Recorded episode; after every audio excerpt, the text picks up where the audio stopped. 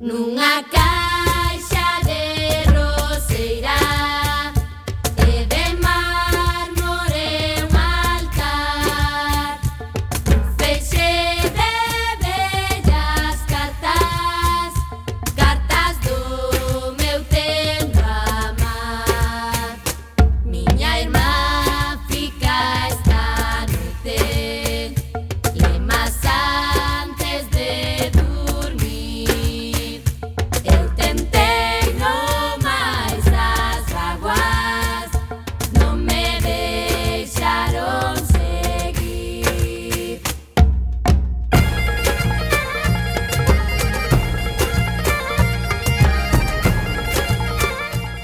Ola, que tal, recendeiros e recendeiras, benvidos e benvidas a este espazo radiofónico semanal dedicado á cultura que facemos en rigoroso directo todos os martes, a 7 da tarde, aquí, en Cuac FM, a Radio Comunitaria da Coruña.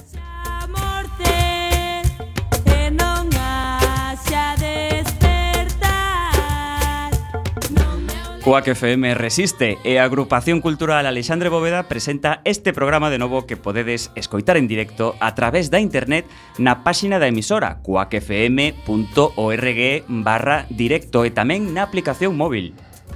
E se non chegaches a tempo, non tes excusa, compañeira. Podes descargar todos os programas xa emitidos tecleando coacfm.org barra radioco barra programes barra recendo ou escoitalo na redifusión, que será os mércores ás 8 da mañá, os venres ás 12 horas e na madrugada do domingo ao luns ás 12 da noite. E a partir de agora, seguídenos nas redes sociais, tanto no Facebook como no Twitter arroba Recendo FM, onde queremos formar unha comunidade recendeira. Tamén podedes visitar o Facebook da agrupación en a.c.alexandre.bóveda, o Twitter en arroba acbóveda ou na web www.acalexandrebóveda.gal.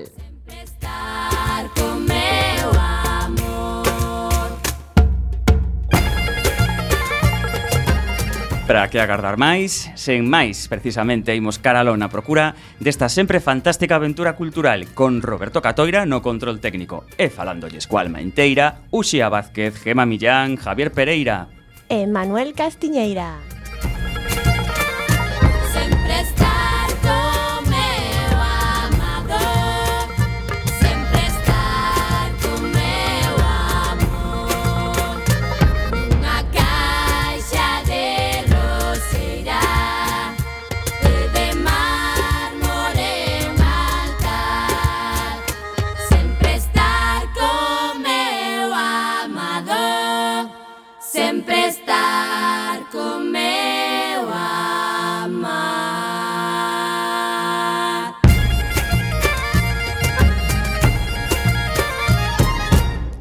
programa número 262, novena tempada, con algúns cambios no programa que iredes notando co paso das emisións. Por exemplo, hoxe estreamos novos fondos musicais para as axendas, que esperamos que vos goste.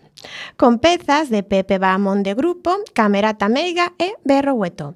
E volve a nosa ben querida locutora Uxía Vázquez. Exactamente, benvida Uxía. Benvida, Oxe estará connosco Carlos Babío, unha das persoas que máis sabe da historia do Pazo de Meiras. Teremos a sección de artes plásticas a cargo de Neve Seara e falaremos das actividades da nosa agrupación e doutras que se fan na Coruña e na Galiza e que tamén son cultura. Música de hoxe, cando falamos da memoria histórica, un dos grupos que máis se implicou sempre foi a Kenya, liderado por Mini e Mero. No ano 2008 editaron o disco Silencios na Memoria, que emocionou moito as persoas interesadas neste tema. Presentamos a primeira peza de hoxe, titulada tamén Silencios na Memoria, en a que se menciona, entre outros, ao noso referente, Alexandre Bóveda.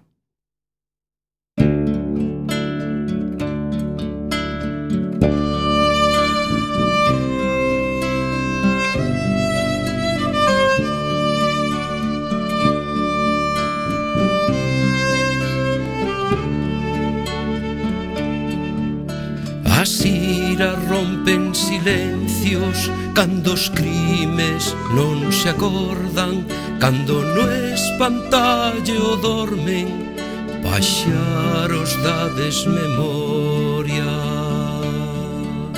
Por iso podes contar Levando cousa con cousa Poñendo unha flebe luz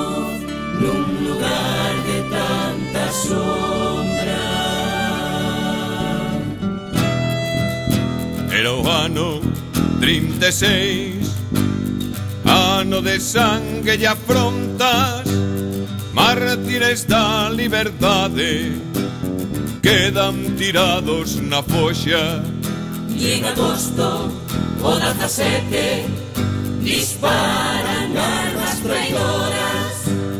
Contra de xente inocente Careu Alexandre Bóveda na traíra en Pontevedra un vencer triste na historia se rescatamos os feitos non deixaremos que volva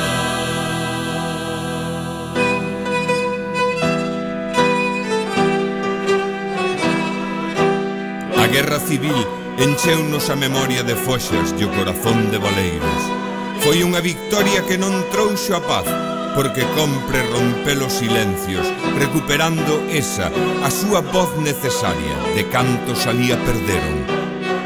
Eran da Frente Popular, anarquistas, republicanos, comunistas, galeguistas, sindicalistas, socialistas, nacionalistas ou insumisos á rebelión ou inocentes inculpados polo dedo revirado de delatores vengativos ou arribistas do novo mando. Militantes todos eles dun anceio común que exaltaba a dignidade humana e a dos povos. Querían dar creto á esperanza, esa que aínda hoxe semella que non chega. Eran vos e xenerosos, defenderon o soño dun mundo mellor e máis feliz.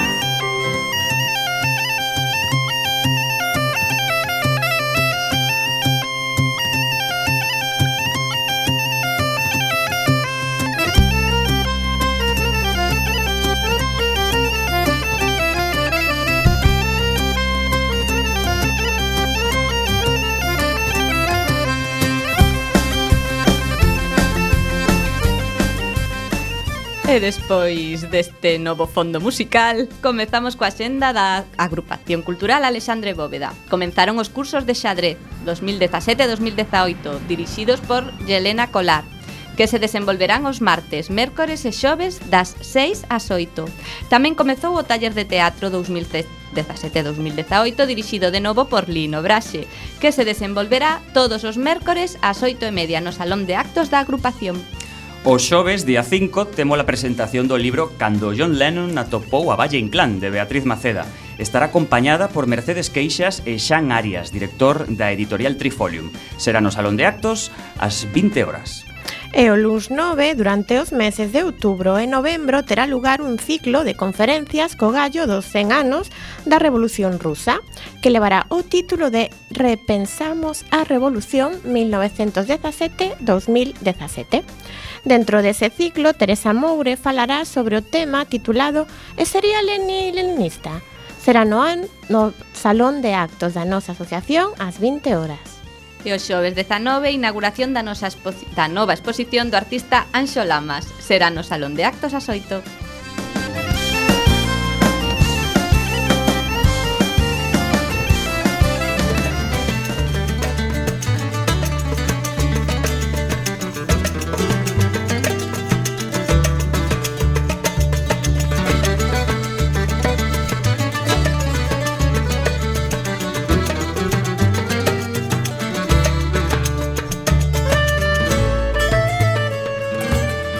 Ampliamos un pouco máis o círculo e pasamos agora a tratar algunhas actividades dentro da Xenda da Coruña. E comezamos pola parte audiovisual. Que temos no terreo audiovisual na Coruña nos próximos días? Todos os primeiros martes de mes, xusto despois de escoitar recendo, podedes ir ao Ágora a ver o documental do mes. Hoxe mesmo, ás oito, xa decimos que nada máis acabalo o programa, dentro dos minutos, proxectan A Promesa. O brutal asasinato de Nancy e Derek Heyman impactou o mundo en 1985. Por outra banda, no Cegai, proseguen co ciclo en homenaxe a Fernando Rey, do que se cumpre o centenario do seu nacemento. Esta semana, proxectan proxectan Diario de Inverno, ese escuro obxecto de desexo e French Connection 2 en diferentes días e horas. Informademos. E imos agora co teatro.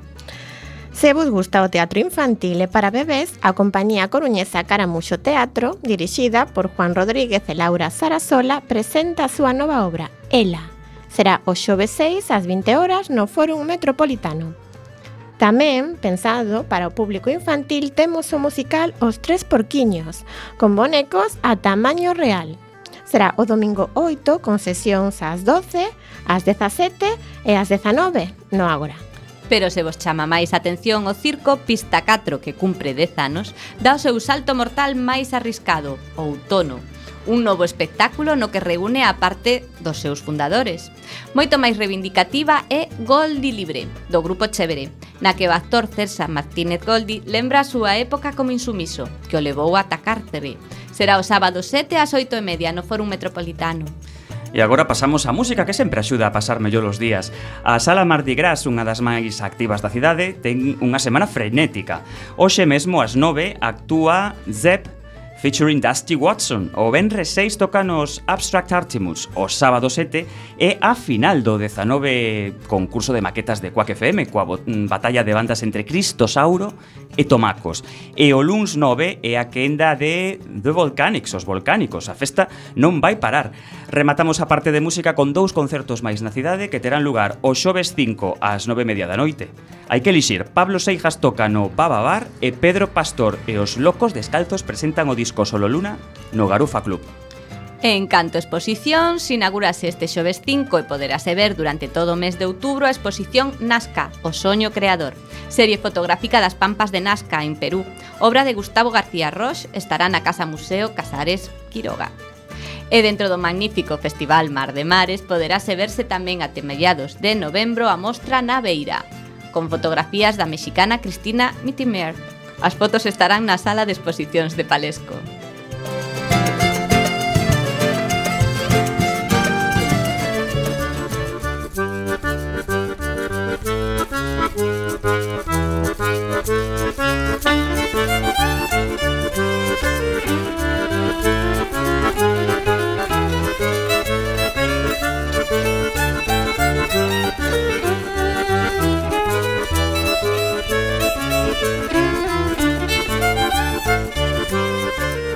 E xa mesmo facemos un rápido percorrido por Galiza adiante, a xenda da terra galega.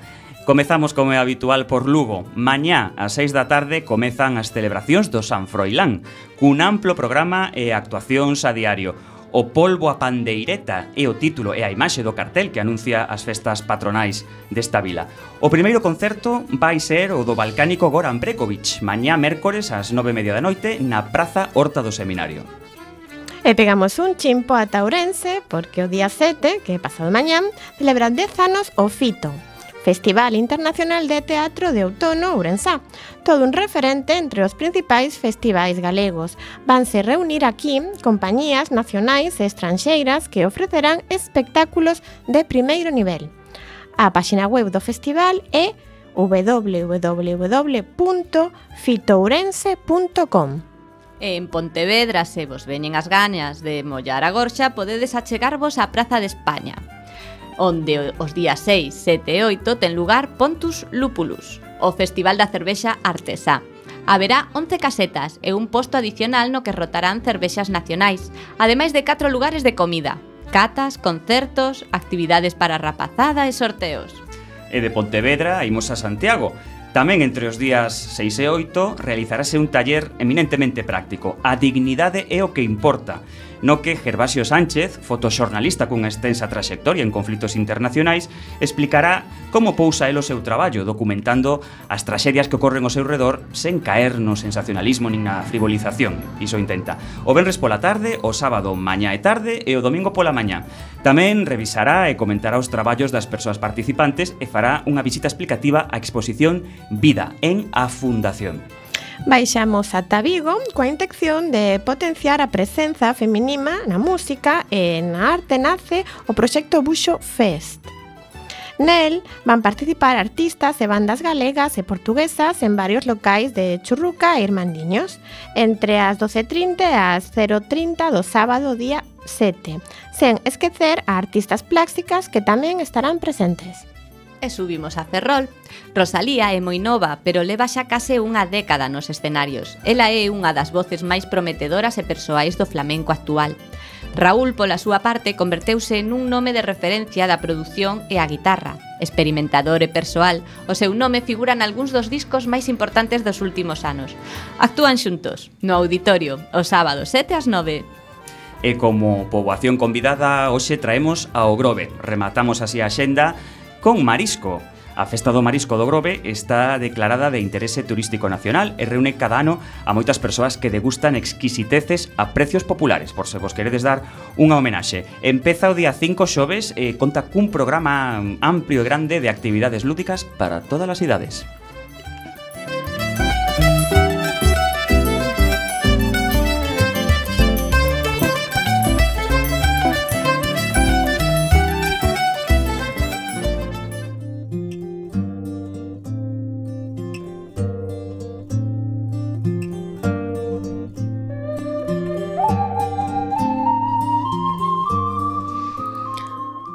Convertídeme en algo, oh, poderosos versos, en figura de sal, se fose necesario, descendendo como tola, extraviada, cándida.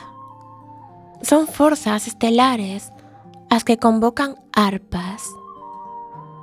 Non me consta en que instante se produce o milagre.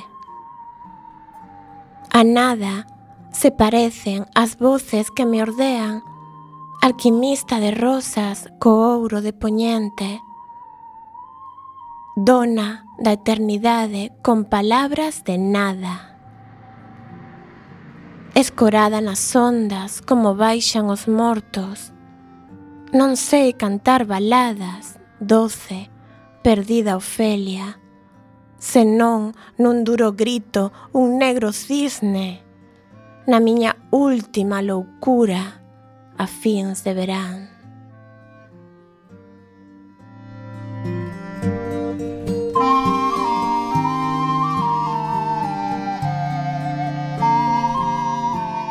Acabades de escoitar o poema titulado Convertídeme en algo, oh poderosos versos, da poetisa galega Xoana Torres, que naceu en Compostela o 22 de novembro de 1931 e finou en Vigo o 12 de setembro do 2017. Joana Torres destacou tamén como escritora de narrativa, ensaio e teatro e foi a primeira persoa en dirixir o primeiro espazo cultural de radio íntegramente en lingua galega – polo que nós estamos especialmente emocionados de facerlle esta homenaxe póstuma a esta laureada literata e divulgadora da nosa cultura que tamén acadou a honra de ser membro numerario da Real Academia Galega. Xoana Torres, In Memoriam. thank you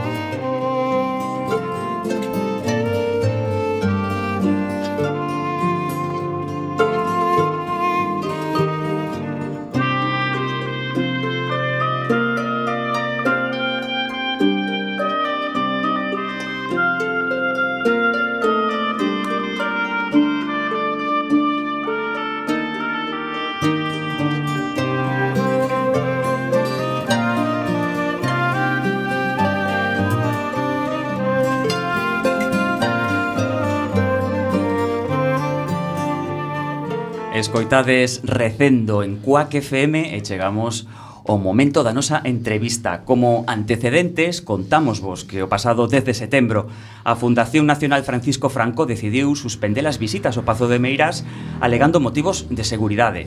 A suspensión chega despois de que o presidente da Xunta de Galicia, Núñez Feijó, lle pedise á familia Franco a devolución da propiedade ao patrimonio público.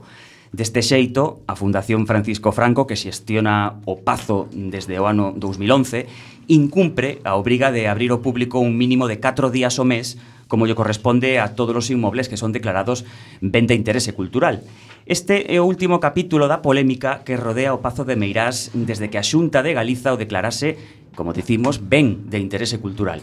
Para a Fundación Francisco Franco, que declarou a súa intención de empregar o pazo para amosar a grandeza da figura do dictador, e para moitos outros que extrañan os tempos do franquismo, a familia Franco segue sendo a lexítima propietaria do pazo. Segunda eles, foi un agasallo da Deputación da Coruña ao dictador. Mais diferentes asociacións, como a Comisión pola Recuperación da Memoria Histórica, reclaman unha revisión do proceso, polo cal o Pazo chega a mandos Franco, así como a súa reintegración ao patrimonio público. O pazo foi entregado e posto o nome do ditador no ano 41, aínda que a súa familia xa o viña empregando dende o ano 38. A Deputación da Coruña mercou o pazo ás descendentes de Emilia Pardo Bazán grazas aos cartos obtidos con suscripcións popula populares obrigatorias, ameazas, descontos nas nóminas de funcionarios e outros traballadores ou votando man de transferencias directas dende as arcas da Deputación ou de concellos como da Coruña. Xunto co pazo, Franco foi agasallado con, con con outros 80.000 metros cadrados que foron expropiados a veciños que en moitos casos non recibiron ningún tipo de compensación. Tamén é necesario non esquecer o patrimonio arqueolóxico, cultural e artístico que atesoura entre os seus muros o Pazo de Meirás. Para falarnos deste extraño proceso e complicado, temos hoxe connosco a Carlos Babío, un dos maiores expertos na historia do Pazo de Meirás e que xunto co historiador Manuel Pérez Lourenzo van publicar un libro que retratará toda esta historia. Moi boas tardes, Carlos. Oh, hola, boa tarde, encantado de estar aquí. Eh, primeramente, solidarizarme con vos porque, bueno, é increíble que se adoten ah, decisións como como as que se adoptaron por parte da Xunta de Galiza e non permitan que este medio de comunicación tan útil e tan necesario na cidade da Coruña non conte cun, cun dial na FM. Pois moitas gracias, Carlos, por, por estas palabras de de, de ánimo eh, estamos pois moi contentos de que esteas hoxe connosco para falar dun, dun tema tan candente da actualidade e que ademais tan interesante. Mm. Eh, para comezar, Carlos, quen decide regalarlle o Pazo a Franco? Ben, é unha boa pregunta. Eh, para iso temos que remontarnos ao ano 1966. Se non comprendemos o que acontece na Coruña eh, a partir do 20 de xullo de 1936, que é cando a Coruña cai eh, en mans dos, dos golpistas, eh, eh, que toman todas as institucións do, do, da cidade, eh, e como vai evoluir eso hasta o ano 1938, que é cando se toma esta decisión, pois pues é, é complicado entender de que vai a historia. Non? Eh, Desde, desde ese 20 de xullo eh, eh, nos, nas primeiras semanas eh, eh, os golpistas eh, non solamente comenzan ese réxime de terror que eh, eh, eh, bueno, pues, provoca que miles eh, de personas se sean represaliadas, asesinadas directamente eh, cun tiro na caluga ou, ou, ou fusilados directamente no, no campo da rata ou xente que ten que fuxir directamente, os que teñen máis sorte en, o acaban, eh, Mm, non, non vai a ser solamente en contra esa poboación mm, militante de partidos de esquerda, nacionalistas, comunistas, sindicalistas, sino que eh, tamén actuarán contra as élites, é dicir, realmente hai eh, unha suplantación, é dicir, unha sustitución dunhas élites por outras, non? Eh, tal é así que o gobernador civil pues, tardan 4 días en asesinalo, eh, a súa dona aparece brutalmente asesinada eh, eh, nunha cuneta, eh, embarazada, eh, eh, o alcalde da Coruña asesinado nos primeiros días, as élites militares que mm, mm, foran leais a, ao goberno da República e, a, e as autoridades coruñesas tamén son fusiladas eh, e asesinadas, e unhas novas élites van facerse o control da, da, da, da economía da cidade, dos órganos de poder da, da cidade. E serán precisamente estas élites que no ano 1938 van a poñer en marcha este proceso mm, para facerse co Pazo de Meirás e mm, eh, buscar así os favores do, do, de Franco. Non? Pero basicamente a pregunta que me facías, eh, quenes son os que lideran esta, pues, basicamente son eh, uh, as élites políticas, sociais e eh, económicas da cidade de Coruña. Eh, en algún momento Franco declarou o seu desexo de, de ter o pazo ou foi suxerido por algunha destas élites coruñesas? Ben, inicialmente isto ponse en marcha moi rapidamente porque hai mm, incluso competencia ¿no? entre aspas, entre outros eh, lugares do Estado para eh, a, facer exactamente o mismo que buscaban as, as eh, élites coruñesas, ¿no? que era mm, bueno, mm, entregarlle en usufruto, en uso e disfrute un palacio, un, unha residencia eh, noble para que eh, o, o xefe do Estado estivera perto desas autoridades e así buscar eh, os favores dun réximen que logo efectivamente convertiríase a característica fundamental dese réximen sería non solamente pois, eh, eh, o xenocidio como norma, sino que era un Estado absolutamente corrupto, un tráfico de favores favores entre as élites e canta máis proximidade ou máis eh, eh, nivel acadaras nesa cúpula de favores, dese círculo de favores, eh, pois mm, máis mm, máis intereses había para esas élites, non?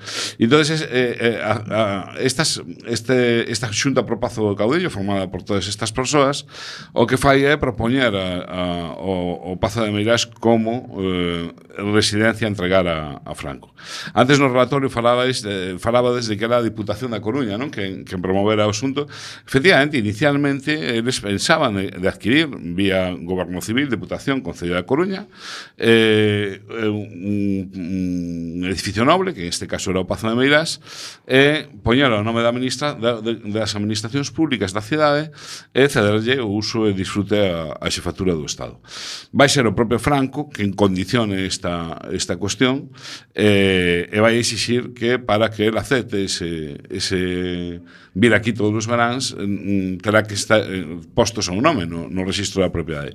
E iso vai a complicar todo o proceso que ven despois e que levará que o Pazo de Meirás mm, que comeza sendo unha historia dunha doazón do, dos cidadáns a xefatura do Estado remate é unha simple compra e venta mm, mm, con un señor, Pedro Barriana Maza, que o representaba mediante un poder notarial, que asina cos propietarios no antigo, da, da antigua propiedade de, de, de Emilia Pardo Bazán, eh, unha simple compravenda, non? Eh, eh, o que convierte o abuso en maior abuso, porque Todo este proceso financiouse con fondos públicos e con fondos obligados aos cidadáns a aportar ¿no? para que iso remate en unha, un, un financiamento de un patrimonio particular de Franco. Non? Entón, o motivo polo cal se lle fai esta agasallo ou esta doazón, sempre entre comillas, e digamos entrar nesta cadea de favores ou congraciarse co, co propio ditador, non? Sí, evidentemente, además eh, nos membros da Xunta pro Pazo, mm, eh, como digo, son variables, porque amais eh, meteron a, a alcaldes de, da, da provincia de Coruña buscando precisamente un maior nivel de recadación a, a nivel provincial, pero realmente os intereses residían na propia cidade de Coruña. Pues, os maiores protagonistas, os, os, os que participaron de unha maneira máis activa en, en, en ese mal chamado agasallo, eh, posteriormente, eh, facendo todo tipo de favores aos franco-meiras, son os que van a eh, ter maiores favores do réxime. E incluso, bueno, eh, eh, eh, os temos polos rueiros da Coruña, aínda con plazas, eh, avenidas, eh, eh, e, bueno, con medallas, eh, eh, con recoñecementos de fillos adoptivos. Non? Eh, a financiación para a adquisición do Pazo incluía tamén eh, a, as obras de, de acondicionamento e de mantemento do, do Pazo ata o ano 75? A ver, eh, y como, como, comentaba, inicialmente hay esa idea, ¿no? De, de marcar o pazo, eh, mm, entregar yo a, a, Bueno, darle un, un, lavado de cara, de centalo, mm, eh, entregar yo a, a, en usufruto a Franco. Que, que, que é o que querían marcarse? Realmente, cal era o que, o que iban a marcar no ano 1968? Pois a antiga propiedade de Mira Pardo Bazán, que en aquel momento era propietaria Manuela Esteban Collantes. Non? E, eh, e, e de que era propietaria Manuela Esteban Collantes? Pois de 5,7 hectáreas de terreno, e as Torres de Miras e outro edificio neso, que era a antigua granxa, que, bueno, falaban as obras de Mira Pardo Bazán, ¿no? A, a granxa de Miras.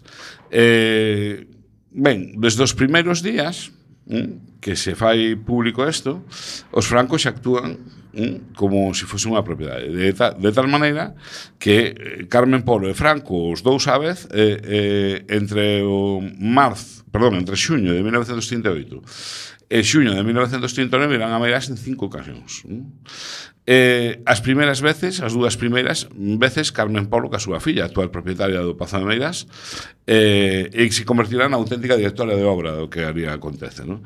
E a inca, incontinencia petitoria desta muller eh, fará que, bueno, é dicir, a, a esta xunta pro Pazo del Caudillo entre en quiebra e teña que estar constantemente reinventando as maneiras de eh, conseguir fondos, espoliar, eh, de abusar contra a poboación. Non?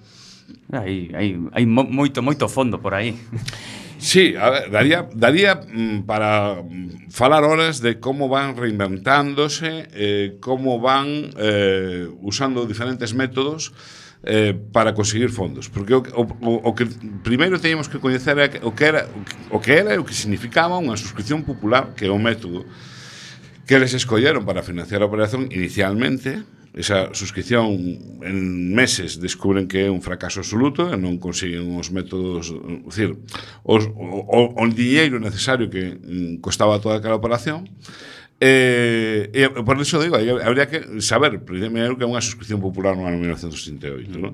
E para saber o que é unha suscripción popular no ano 1968 temos que remontarnos outra vez ao ano 1936, donde na Coruña, aparte desa sustitución de élites, de eliminación de calquer opositor a, a, esas, a esas novas élites que toman o poder, van a establecer tamén unha economía de guerra na cidade. Se a cidade da Coruña, igual que o resto de Galiza, vai ter dúas características fundamentais nese sentido. ¿no? Eh, primeira é, eh, bueno, pues, eh, lugar donde van a reclutar eh, carne humana, soldados, para mandar ao frente. Esa é a primeira característica. ¿no? E a segunda característica mm, vai ser a, eh, que Galiza é a, a despensa da, da, da, do frente, non? É dicir, a retagarda da guerra e, e suministra todo tipo de, de, de recursos, non? Eh, para financiar toda a guerra tamén vai a suministrar recursos non? e ese sistema mm, fiscal que se establece na cidade está baseado nas suscripcións populares a primeira que se establece é a suscripción nacional pero despois virán outras moitas máis eh, eh, acompañando en función das necesidades bélicas que se iban xenando eh, eh, na guerra civil non? e será a experiencia precisamente nomeadamente da suscripción nacional a, eh, a experiencia que, empre, en que empregarán para crear a suscripción por pazo del caudillo Concello, que vai ter unha característica diferente das outras. As outras será para financiar eh, todas as necesidades bélicas de Franco, esta é para financiar eh, os intereses mm, particulares do propio dictador. Non? E ademais, como digo, van a empregar esa experiencia, pois, por exemplo, a suscripción nacional xa tiña regulamentada eh, os, os descontos a funcionarios, traballadores públicos, eh, e non solamente públicos, e se estendeu máis aló da, da, dos, dos propios funcionarios. Non? E, por exemplo, os mariñeiros pois, se lles contaban un porcento da pesca para, para financiar a suscripción nacional. Non? E paralelamente, pois, puxose esta en marcha, a suscripción pro Pazo del Caudillo. Non? E o que fai é copiar o modelo, poñerlo paralelamente. É, é duplicar, digamos, a maneira de catar recursos cando ven que a suscripción, como eles tiñan previsto, que era ir por casa por casa a, a, aportándonos, non cubre os gastos que se necesitan para para mellorar Meirás e logo ampliálo. Eh, foi outra das condicións que fixeron os francos. Non? Ben, enseguida continuamos conversando contigo, Carlos. Facemos unha pausiña musical. Continuamos escoitando a Kenya, nesta ocasión coa canción titulada Romance de Cego, a caída de Manuel Ponte.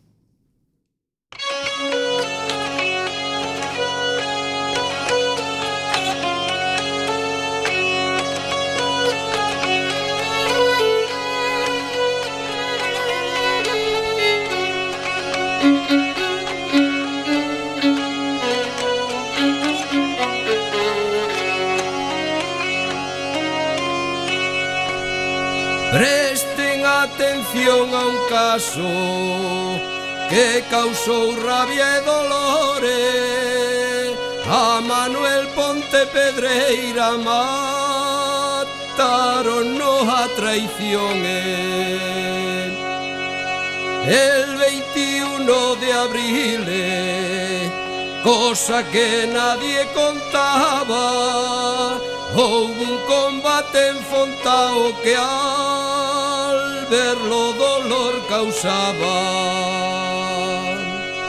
Estaba en casa segura Xunto cos seus compañeiros Pero rebeldes fascistas co paneiras e palleiros.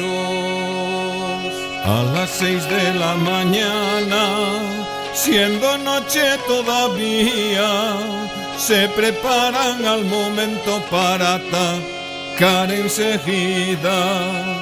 Comenzado tiroteo, ponte nombre máis saída, tirarse fora da casa se quere, salva la vida, sabe que veñen por ele, e eh, que ya teñen xurada, por ser leal a república de ideas avanzadas. Botouse fora dun chimpo e correndo en descuberta Recibe un tiro nun brazo xa na fraja da Ribeira. Xa o teñen localizado e saben que está ferido. Seguenlle o rastro de sangue como cansa doecidos Para poder librarse deles deixa parte do armamento e raese polo rejato poñendo terra por medio. Como todo mundo sabe, Manuel Ponte era valente, que na última agonía carzo... Seguimos con Carlos Babío. Eh, tócache tamén un pouco o tema familiar neste caso, non? Contanos a historia da túa boa. A ver, a miña boa tivo a desgracia de vivir eh, de ter feito unha casa xunto co meu avó eh, moi parto pois, da, bueno, das torres de, de Beirás non? e cando se produce esa orde mm, de ampliar as propiedades do Pazo de Beirás que inicialmente pasan desas 5,7 a 9 hectáreas eh, entre o ano 38 e o 41 Eh, despois seguirían ampliando, pero xa fora de muros, ¿no? pero eh, o que vemos dentro de muros, eh, bueno, pues, a miña boa túa esa desgraza. ¿no? eh, xunto con outros propietarios colindantes para sumar esas nove hectáreas, foron conducidos a Coruña a xinar unha compraventa forzada que en moitos casos se producía en camións militares eh, baixo armas de fogo. No? Eh, era un método tan simple como tan brutal. No? É dicir, eh, E a miña aboa, como eu sempre digo, non, mm, cando menos dentro desta desgraza, porque estivo hasta o 41, tirada na, na, na, na rúa con, con dous menores ao seu cargo, na máis eh, terrible das miserias. Bueno, pues, despois, no proceso do 41, um, mm, que cambia radicalmente a situación, a maneira de expoliar a Bienmeirás, bueno, pues, vais a beneficiar um, e vai, vai a a recuperar algo de diñeiro ¿no? eh, eh, pola, pola casa pero os, os outros labregos que eran bueno, utilizaban esas leiras como seu medio de vida, pois non verán un patáculo, mm, fundamentalmente polo que comentaba anteriormente da eh, circunstancia de que a Xunta Propazo pois, eh, a, a mediados do 39 declarase absolutamente en quebra e Pedro María Maza será encargado de liquidar todo eso e cambiar todo o procedimento. Non?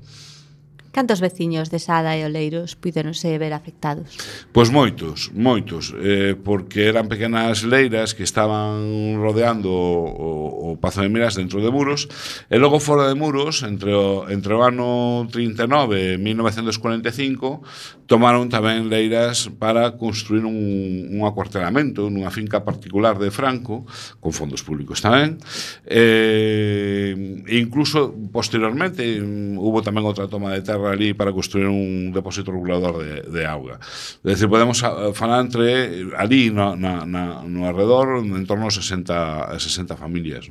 Estos veciños, despois do silencio imposto, cando comezan a reivindicar Pois eh, a verdade é que nunca. Nunca. Por, non, porque ti pensa que Meirás eh, eh, a represión é, é brutal Mm, a, todos os anos con Franco se desplazan eh, un contingente de garda civis, de policías e demais que fan unha represión brutal nos primeiros anos incluso calquer sospeitoso, calquera bueno, simplemente que decidira o propio réximen eh, pues, o, nas semanas previas eh, se conducían á prisión provincial da Coruña e hasta que marchaba Franco non se poñían mm, na rúa, non? Decir, sin causa e sin procedimento xudizal ningún. Non? E cando morre Franco no 75, estamos en este proceso, cando morre Franco no 75, a primeira decisión que toma a xefactura mm, do Estado, mm, o sucesor decidido por Franco, é crear o señorío de Meirás, eh, o ducado de Franco e otorgarlo a filla e a viva do ditador. Non? O sea, elevar un roubo, un espolio a mm, condición nobiliaria, non? Eh, os Franco virán hasta ben entrada da década dos 80 a Meirás en eh, recoñecemento polas autoridades coloñesas da época. Eh, estarán os gobernadores militares, as autoridades militares e as civis eh, alcaldes, eh, todo tipo de personalidades públicas, que logo, con o tempo, irán, mm, bueno, irán indo a menos, pero hasta ben entrada da década dos 80 será así. Os Franco gozarán a Meirás con, pagado con fondos públicos hasta ben entrada da década dos 80 de personal de servizo, pagado con fondos públicos. Eh, os labregos de Meirás ou calquer persoa que sufrira esos abusos, pois mm, te aseguro que non viu ningún tipo de transición democrática en Meirás. Es dicir, Meirás o que houve foi unha adaptación desa xente a, a nova circunstancia. Pero en Meirás, como moitos outros sitios, pero en Meirás moi especialmente, se viu mm, unha adaptación desas persoas ao medio, ao medio político da época. Non hai transición, foi un timo, non? Desde cando decimos que o réxime do 78 pois foi unha, unha estafa en moitos ámbitos, non?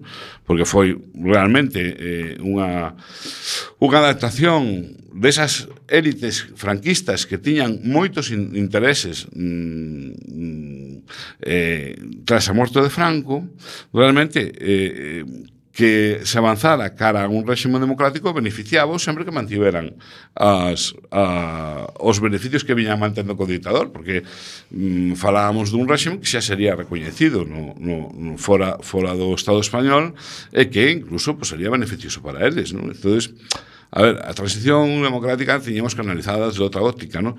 E a Meirás dunha maneira singular, mirás, non hai transición política, non, non hai ningunha eh, a día de hoxe os francos siguen mantendo Pazo de Menas con toda a impunidade eh, ca versión oficial dun agasallo eh, incumplindo toda a legislación vixente con total impunidade, non? Entonces, bueno, pois pues é difícil que un veciño de Meirás bueno, a miña avó morreu pois a principio da década dos 70, que foi tal, pero bueno, os últimos labregos pois, mm, nos anos 80, no? 90. Eh?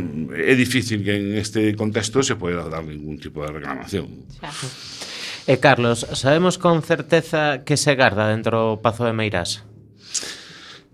Pois as administracións públicas eh, nunca entraron no Pazo de Meirás hasta o momento que a Xunta de Galiza no ano 2008 eh, decide declarar ben de interese cultural. E cando decide declarar ben de interese cultural, manda un, uns técnicos para fazer os informes correspondentes que lembremos foron recurridos polos Franco hasta o Tribunal Supremo, ¿no? para que ninguén accedera a ese pazo. Por lo tanto, estamos falando de eh, desde o ano 1938 hasta o día de hoxe, ali en, eh, no Pazo de Meirás, salvando esos técnicos, entraron mm, as persoas que os francos decidiron sempre, as administracións franquistas, non?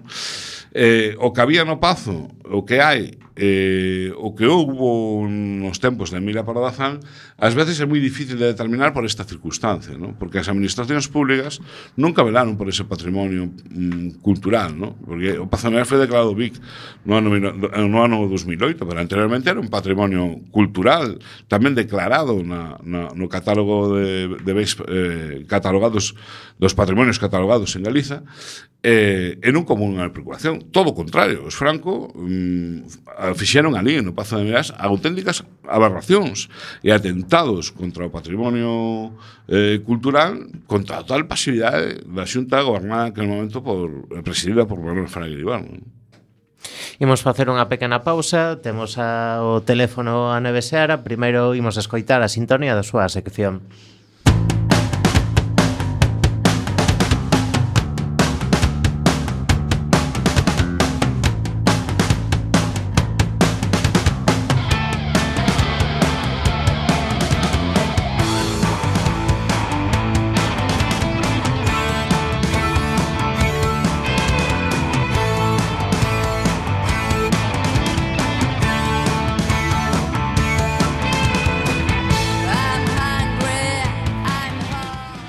Moi boas tardes, Neves. Hola, boas tardes, que tal? Moi ben, aquí xa sabes, co, co noso cambio dende a FM a internet, pero coas mesmas ganas de, mm. de sempre. Sí, a verdade que me fixo moita ilusión volver a escoitar a miña sintonía, porque xa facía ben tempo que non, non nos atopábamos por aquí pola, pola radio. E escoitando un pouquiño que falabades antes, a verdad que me ven moi ben o fío do que estabades a comentar para, para enlazar co tema que traio hoxe, o sea que aí vou. Eh, dunha muller guerreira como era Emilia Pardo Bazán, pasamos a outra como é Rosa Neutro, que inaugurará eh, esa semana que ven na zona C, o mércores 11 a 7 e media da tarde, unha exposición comisariada polo artista e eh, teórico da, da arte eh, Rosendo Cid. É unha exposición que tiven a, o gusto de poder eh, apoiar desde, a, bueno, eu estaba de xurado non na, este ano na, na selección de dos proxectos e é un proxecto, pois, como vos dicía, que dunha muller guerreira, fotógrafa, que vai a facer un análise desde a historia eh, de, do feminismo partindo un pouco da idea do, de Virginia Woolf de un cuarto propio. Entonces, ao largo da exposición poderamos, poderemos ver eh, unha serie de fotografías e intervencións no espazo que falarán un pouco da perspectiva desa artista e do comisario, pois un pouco desta historia. Tamén haberá dous encontros nos que poderemos atoparnos en vivo e en directo ca, ca artista. Toda a información a tedes, por suposto, na páxina web da, do Concello. Eh, Compostela Cultura, e senón buscando sinxelamente zona C. Pero bueno, non obstante, invito vos a, a presentación, que é o mércores 11, repito, ás sete e media da tarde. Zona C, se nos podes dicir máis ou menos onde está? Sí, está aquí en Santiago de Compostela, mm. xusto o ladiño do CEGAC, do Centro Galego de Arte Contemporáneo, onde o Parque Bonaval. Se vas subindo por a, para, hacia o Parque de Bonaval, mm tedes edificios aí a man dereita, o sea que está moi faciliño de, de achegarse.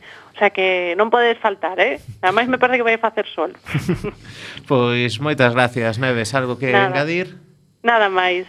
A vos eh, moitas gracias polo vosso traballo. Gracias a ti, Neves. Chao, unha pertiña. Nos continuamos falando uns minutos máis con, con Carlos, con Carlos Babío, deste tema tan interesante. Um, hai outros casos semellantes ao Pazo de Meirás no Estado? Tes, tes algunha noticia nese aspecto? Eh, como Pazo de Meirás, eh, non hai un caso semellante no mundo, non no Estado español.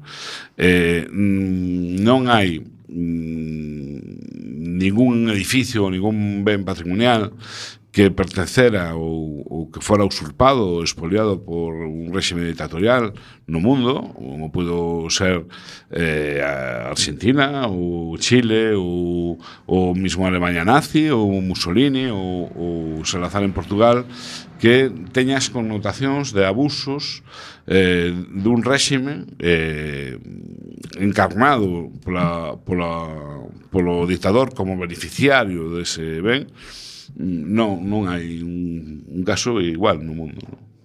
Eh, ti pensas eh, que existirá algunha estimación de a canto pode ascender o patrimonio eh, que foi, foron conseguindo os franco bueno, a través de tantos anos, de décadas, claro?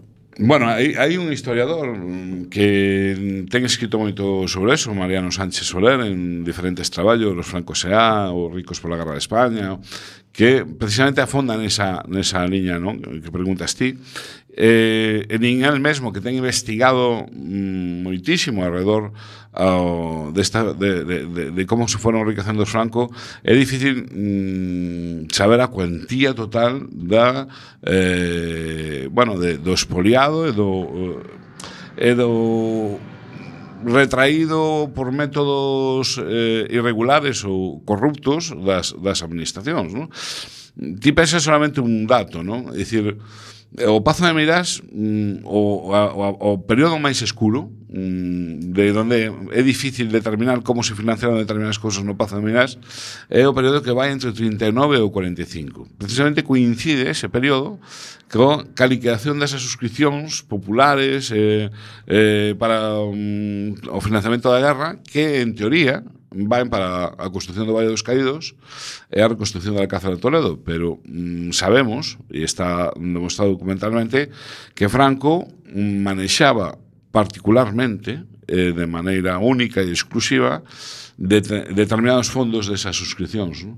Eh, eh, non hai documentación que, eh, bueno, mm, que nos concrete exactamente para onde foron esa, es, esos recursos, esos moitísimos recursos que el mesmo utilizou. ¿no?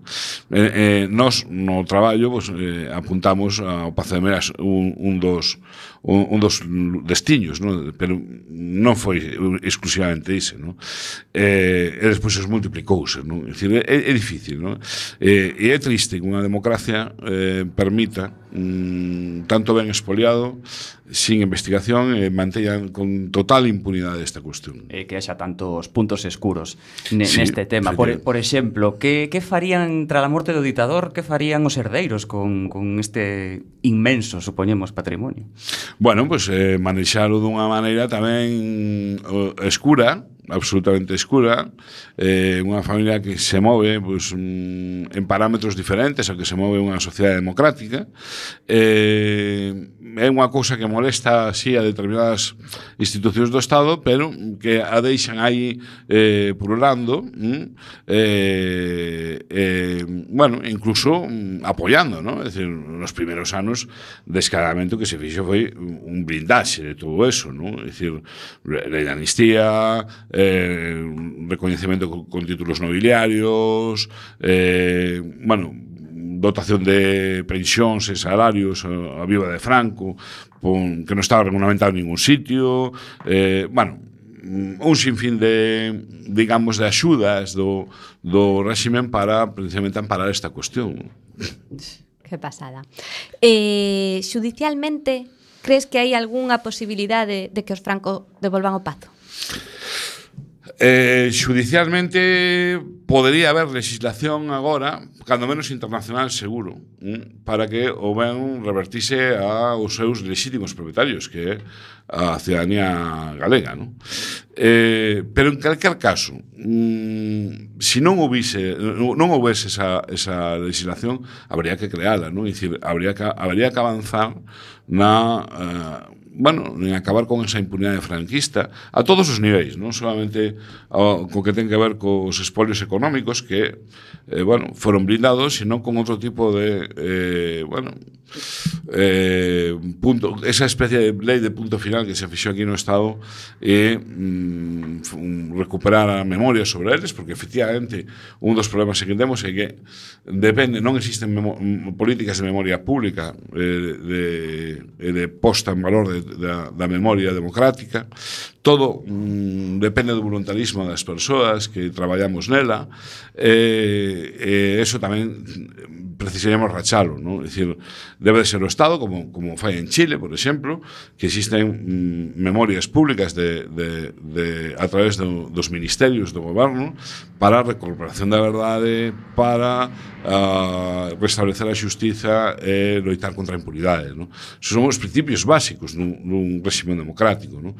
e non pode tratar un tal consideración un réximen que actúe con total impunidade e con tantas condenas da ONU e internacionais a este respecto. Non? Por que que está facendo a Xunta? Bueno, a Xunta, a Xunta eh, unha cousa curiosa, non? É dicir, porque hasta aí escasamente mes e medio o Pazo de Meirás fora un agasallo, non? É dicir, a Xunta de Galiza, a versión oficial que manexaba o Partido Popular, non? o señor Núñez Feijóo de maneira especial, non? Eh, bueno, que era un agasallo ao ditador, incluso, pues, eh, no proceso de declaración BIC do Pazo de Mirás, do, do ben de interese cultural, él estaba na oposición en aquel momento e criticou todo aquel proceso, non? É dicir, Bueno, eh, en cuestión de mes e medio o, o, o Partido Popular descubre que hai unha, un vicio na orixe, non? Eh, que intenta bueno, crear unha comisión de expertos que analice esa, ese vicio de orixe para a revisión de Pazo Minas. Eh, nós mm, decimos, desde a CRMH, desde a Comisión por a Recuperación da Memoria Histórica da Coruña, pero mm, especialmente os autores deste traballo, ¿no? que vimos divulgando, bueno, a ver se si conseguimos telo a finais de novembro en, en na rúa, pero bueno, que vimos avanzando algúns aspectos do traballo, non se trata exclusivamente un vicio de orixe Trátase, mm, mm, o Pazo de Belén representa perfectamente o que foi o espello do franquismo. Foi eh, eh, a corrupción sistemática, un círculo de favores onde eh, determinadas élites se beneficiaron dunha maneira descarada eh, para fortalecer os seus patrimonios que despois eso mantivose na total impunidade. Eh, o Pazo de Meirás representa o, o que unha democracia debe combater e que non debe deixar na impunidade, porque eso xa máis eh, prescribe. É dicir, ese tipo de abusos e delitos. E debe de ser un exemplo democrático para que as futuras generacións o pensen moi ben antes de dar un golpe fascista en calquer lugar do mundo, non? É dicir, mm, que ningún ditador do mundo, ningún ditador do mundo e ningún réximen xenocida sae de rositas. Xa vai nos quedando moi pouco tempo, Carlos, a ver se dunha maneira breve poderes contarnos cales son os pasos que dende a Comisión pola Recuperación da Memoria Histórica e desdar para conseguir, digamos, a reintegración do Pazo de Meiras. Ben, nós Mm, primeramente o que fixemos foi denunciar publicamente a actitude da, da, da Fundación Francisco Franco non? E dos propios Franco respecto desta cuestión solicitamos á Xunta de Galiza e as autoridades judiciais e administrativas que actuaran ante a impunidade ante o insulto ás vítimas daquel xinocidio eh, bueno, fixemos un sinfín de peticións para que Meirás chegara a democracia e deixara ser esa illa do, da impunidade na Europa do ano 2017 eh, e o que conseguimos ou polo menos o que, o que mm, vemos da, da Xunta de Galiza é que existe pouca vontade de que no Pazo de Meirás eh, non se faga apoloxía dun, do, do, do réxime eh, franquista non? Eh, primeramente porque, porque se está a facer segundo xa desde antes, porque os francos xa anunciaron que non solamente os, os, o iban continuar a facer, senón que iban a empregalo para agradecer a figura de Francisco Franco, e um, vemos determinados persoaxes que actúan xa de guías no Pazo de Mirás e que, desde logo, um, son coñecidos nesta cidade pola organización das fogueres de San Xoán e por problemáticas derivadas de, da súa escrición